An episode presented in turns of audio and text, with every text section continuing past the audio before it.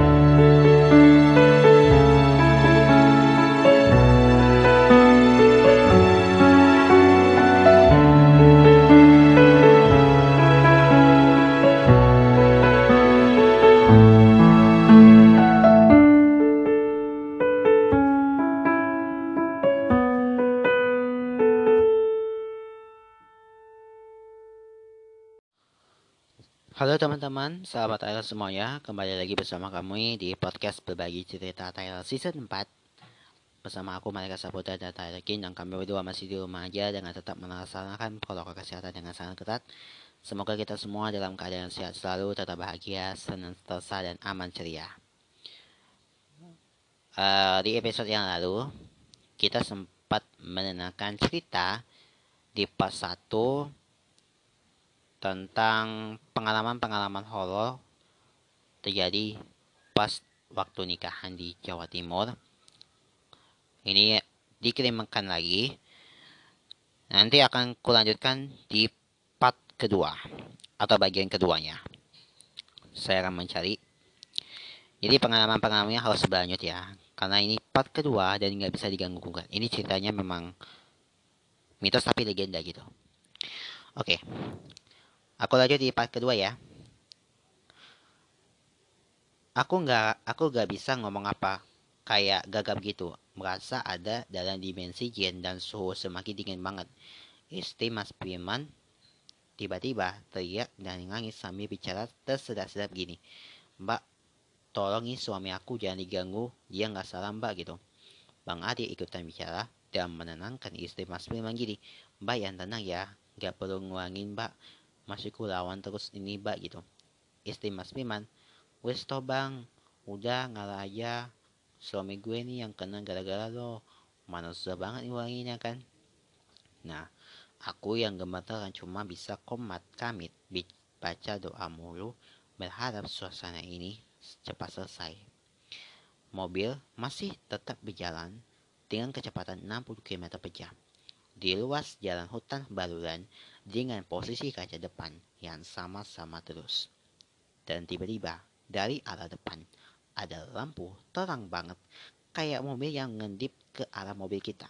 Tapi saking terangnya aku pun juga nggak tahu itu lampu mobil atau truk atau yang lainnya. Nah waktu itu waktu lampu itu ngetong banget ke arah mobil si adik kayak baca mantra Seingat aku mantra yang dibaca Adit ada beberapa kalimat gini. Rining gending paku jowo. Beringin besar paku nyawa. Aku nggak begitu nyimak jelas karena Adit baca juga cepet banget dan posisi aku juga ketakutan. Jadi nggak mungkin aku bisa dengerin secara jelas.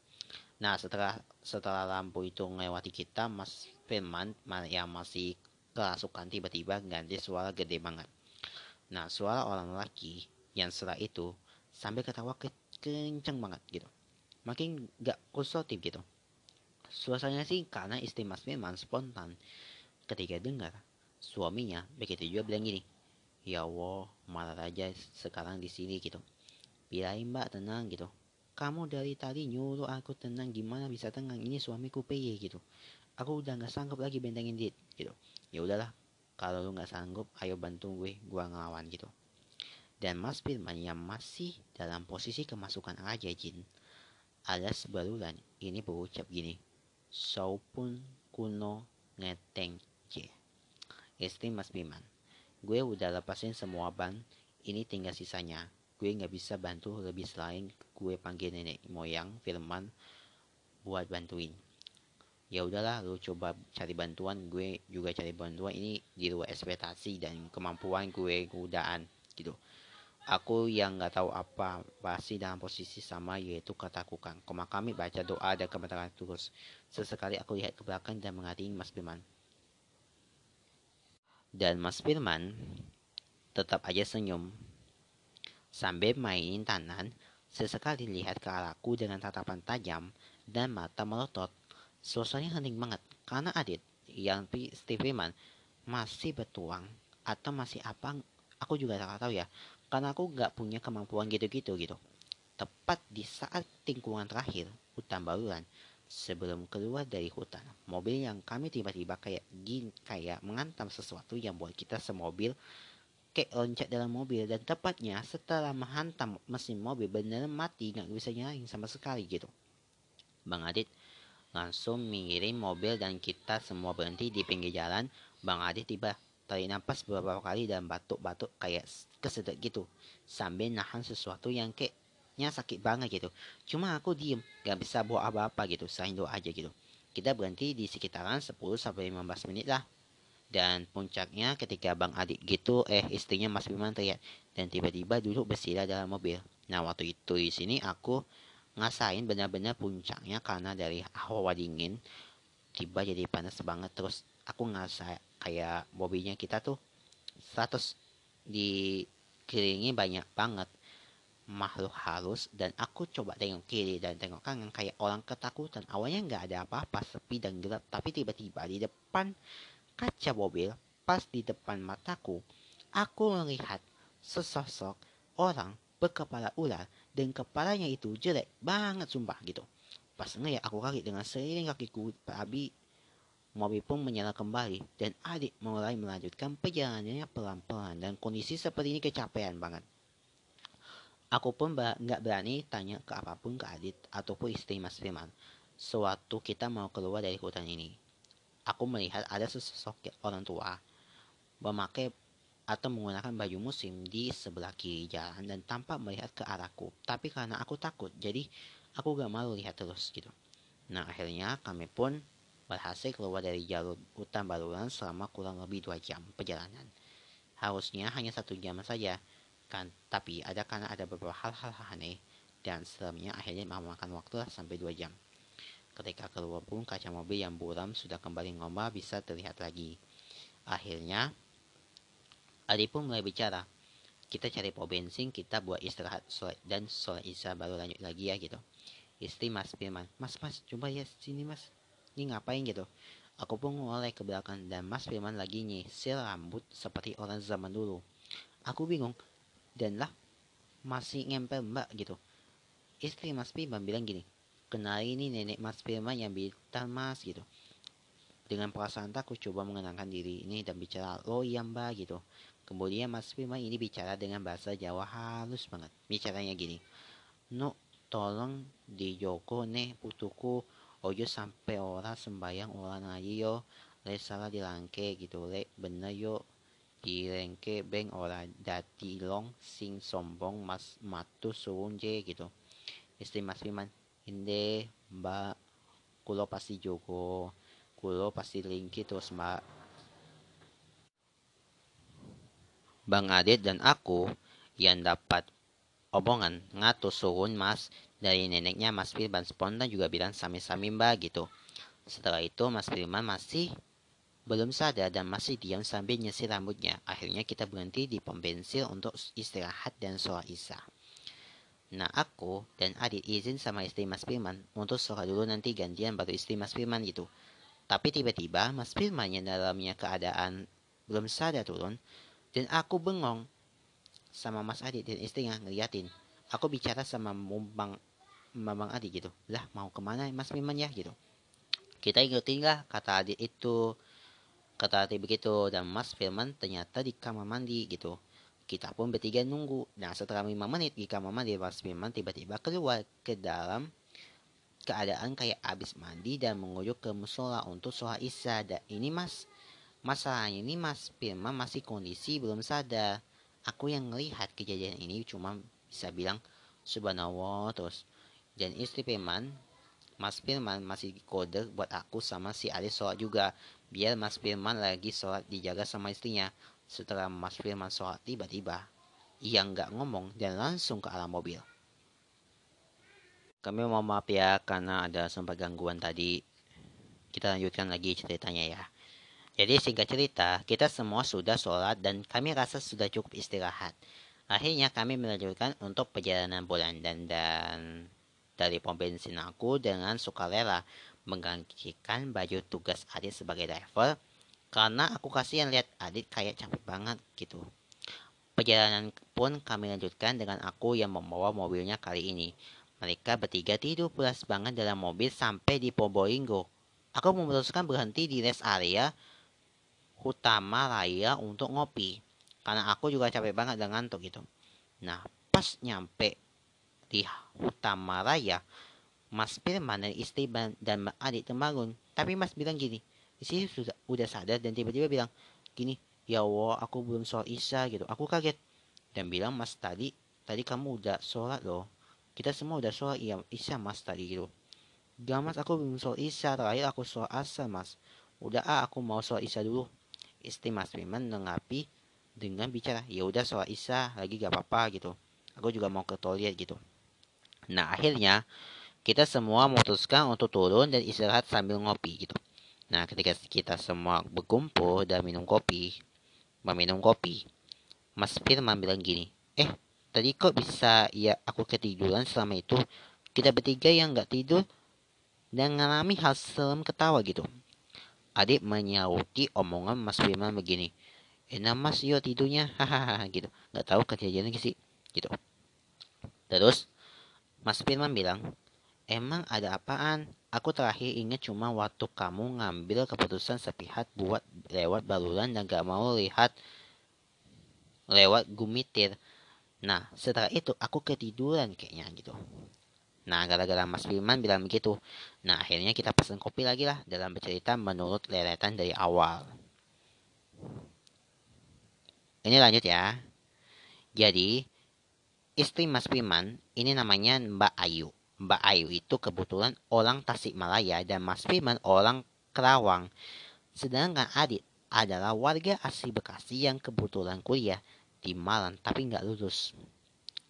Mas Ayu ini sebelumnya adalah anak indigo yang juga memiliki ilmu putih dari perguruan silatnya. Cuma begitu ya juga mau menikah setahun sebelumnya.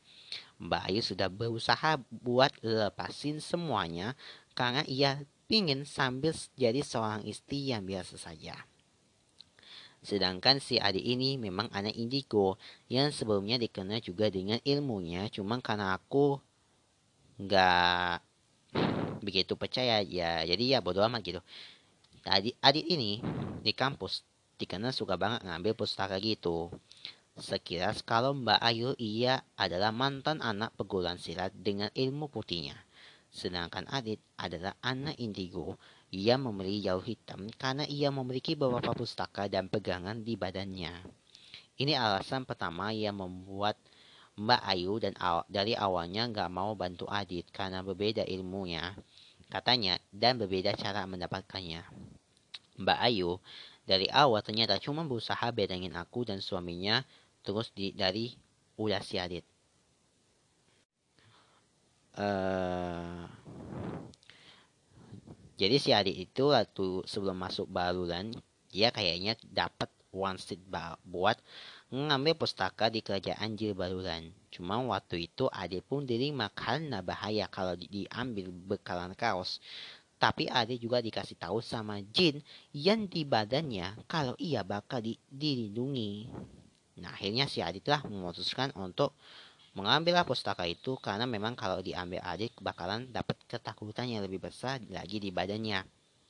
Adit ini juga pekanan pustaka dari tanah sampit yang memang kata Mbak Ayu juga gila kekuatannya. Inti permasalahan gaib ini dilakukan sengaja oleh Adit karena ia ingin mengambil pustaka dari di kerajaan jin milik sang Raja Monek. Dari awalnya masuk baluran, Adit sebenarnya udah masuk kerajaan jin dan sempat beradu kekuatan dengan pasukan kerajaan jin di baluran. Ya pikir aku kagum adalah gimana Adit masuk kerajaan jin. Padahal ia lagi nyetir sama aku. Ya mau percaya nggak percaya, tapi hal ini aku alami secara nyata. Dan masih ingat kalau Adit nyetir mobil dalam keadaan kaca berembun dan gak kelihatan jalan sama sekali. Ini hebatnya. Kita nggak ngabar sama sekali loh. Padahal kalau aku yang nyetir dalam keadaan kaca seperti itu, jelas sudah masuklah jurang atau ngabar gitu. Kata Adit, memang ia masuk kerajaan jin. Tapi mobilnya ini kayak jalan di turunan sama Bapak Paji yang Adit punya. Gokil ya. Oke, berikutnya. Masih ingat juga kita ketika awal masuk baluran yang aku merasa kayak ada bisikan terus ada yang ngeliatin nah itu ternyata perawanannya Ari yang membantumu. Oke, kita lanjut ya. Jadi masih ingat juga ketika awal masuk baluran dan aku merasa kayak ada bisikan terus ada yang ngeliatin. Nah itu hanya ternyata perawannya ya adik yang bantu mobil tetap jalan dan selamat sampai tujuan Debing Adit mengambil pustaka. Jadi makanya tiap aku tanya, si Adit selalu jawab singkat. Mbak Ayu pun membenarkan kalau di awal masuk baruan Adit keluar dari raganya. Dan mobilnya dituntun oleh beberapa perlawanan Adit untuk melewati hutan baruan. Nah pas di Mejeman juga kalian lihat kan ketika Adit habis nyuci mobil Mbak Ayu sempat bilang gini besi dari mana banyak banget nih yang ngikut. Nah, yang ngikut itu adalah jin yang dimiliki Adit. Di awal itu, Adit masuk ke kerajaan jin udah gak sopan dan berantem dengan beberapa pasukan sengaja. Tapi Adit udah tahu jalan dari tempat pustaka itu disimpan. Adit bilang ke beberapa pasukan kerajaan jin ini bahwa ia akan kembali dan berusaha untuk mengambil apa yang ia inginkan. Nah inilah sebelumnya yang ada dibicarakan ketika kita mau meninggalkan Baluran dan menuju Surabaya bahwa kita sudah tunggu di Baluran. Lanjut. Masih ingat cerita yang aku bilang waktu di Taman Nasional Baluran di spot pertama yang hutan Evergreen. Nah, isi, di situlah sebenarnya pintu masuk istana kerajaan jin. Itu makanya pohon di Evergreen itu selalu hijau dan gak pernah berubah warna setiap tahun. Nah, kan waktu di hutan Evergreen si Adit udah mulai nggak beres dari gerak-geriknya. Sama seperti yang aku ceritakan di atas waktu di spot hutan Evergreen dan waktu itu. Di situlah Adit berhasil mengambil pustaka milik Raja Jin Monyet ini. Adit tahu bakal terjadi perang hebat setelah ia mengambil pustaka ini dan Mbak Ayu akan terjadi hal buruk setelah ini. Cuman hebatnya Mbak Ayu ia tahu bakalan terjadi sesuatu yang buruk. Tapi ia berusaha tenang agar suaminya senang dapat menikmati wisata di hari terakhir. Dari sejak di hutan Evergreen memang Mbak Akuyu kegiatan dari wajahnya kayak capek gitulah. Dan ia juga bilang banget udahan ketika berusaha membentengi aku dan suaminya. Si Adit tahu kalau bakalan jadi malam yang menenangkan di atas baluran. Selepas hutan Evan Adit udah mempersiapkan pasukannya dan meminta bantuan ke sana kemari untuk bisa selamat keluar dari baluran dengan membawa pustaka yang habis ia ambil. Nah ingat kejadian burung merak yang tiba jatuh dan lihat ngeliatin kita. Itu kata Mbak Ayu sebenarnya bukan burung merak tapi jemaah. Jadi jemalan sini kalau kata Mbak Ayu itu pasukan Raja Jin, Adik juga sudah tahu kalau merak yang jatuh itu jelmaan dan sebagai isyarat sang raja sudah siap berperang jika pustakanya itu tidak dikembalikan. Nah, kita pun kan terjebak di dalam Taman Nasional Baluran kayak masuk dimensi lain kan. Nah, aku kira itu perasaanku aja. Ternyata emang beneran kita masuk ke dimensi yang lain. Ini kan waktu Mbak Ayu bilang ke Adit, Bang, lu salah jalan. Seolah Mbak Ayu ngasih kode ke aku dan suaminya. Terus, waktu masih di Taman Nasional itu berat minta ampun di kepala dan pusing itu karena efek energi makhluk gaibnya karena kita masuk ke dimensi, di dimensi yang lain sehingga cerita sebenarnya sih Mbak Ayu cuma pengen selamatin aku dan suaminya aja karena memang ini ulah si Adit. Mbak Ayu di dalam mobil tampaknya diem dan biasa saja. Tapi sebenarnya Mbak Ayu juga keluar raga dan berusaha meminta maaf dengan Raja Jin agar ia, aku, dan suaminya dilepaskan. Tapi si Raja menolak karena adik udah mencuri dan mengambil pustakanya. Nah waktu si adik berhasil juga membawa kita keluar dari dimensi gaib dan berhasil memang menang menghadapi pasukan Raja Jin. Tapi Raja Jin malah makin gak terima dan benar gak akan ngibarin kita semua keluar dari baluran sebelum mengambilkan mengambilan pustaka dan minta maaf.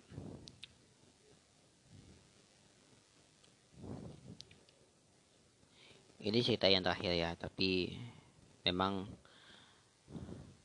ya itu agak panjang ceritanya tapi apa boleh buat? Ini cuma ceritanya memang mau aku terkesan sari. Ini ceritanya panjang banget dan terima kasih ya buat temanku yang sudah streamkan cerita. Tapi kita semua bisa berdoa aja ya semoga semoga kita semua bisa ngancain semua urusannya dan semoga kita bisa menghadapi masalah dengan berbagai tantangan yang kita bisa hadapi dengan melawan dengan secara cepat. Oke, sekian dulu ya episode kita kali ini dan sampai jumpa lagi di episode berikutnya.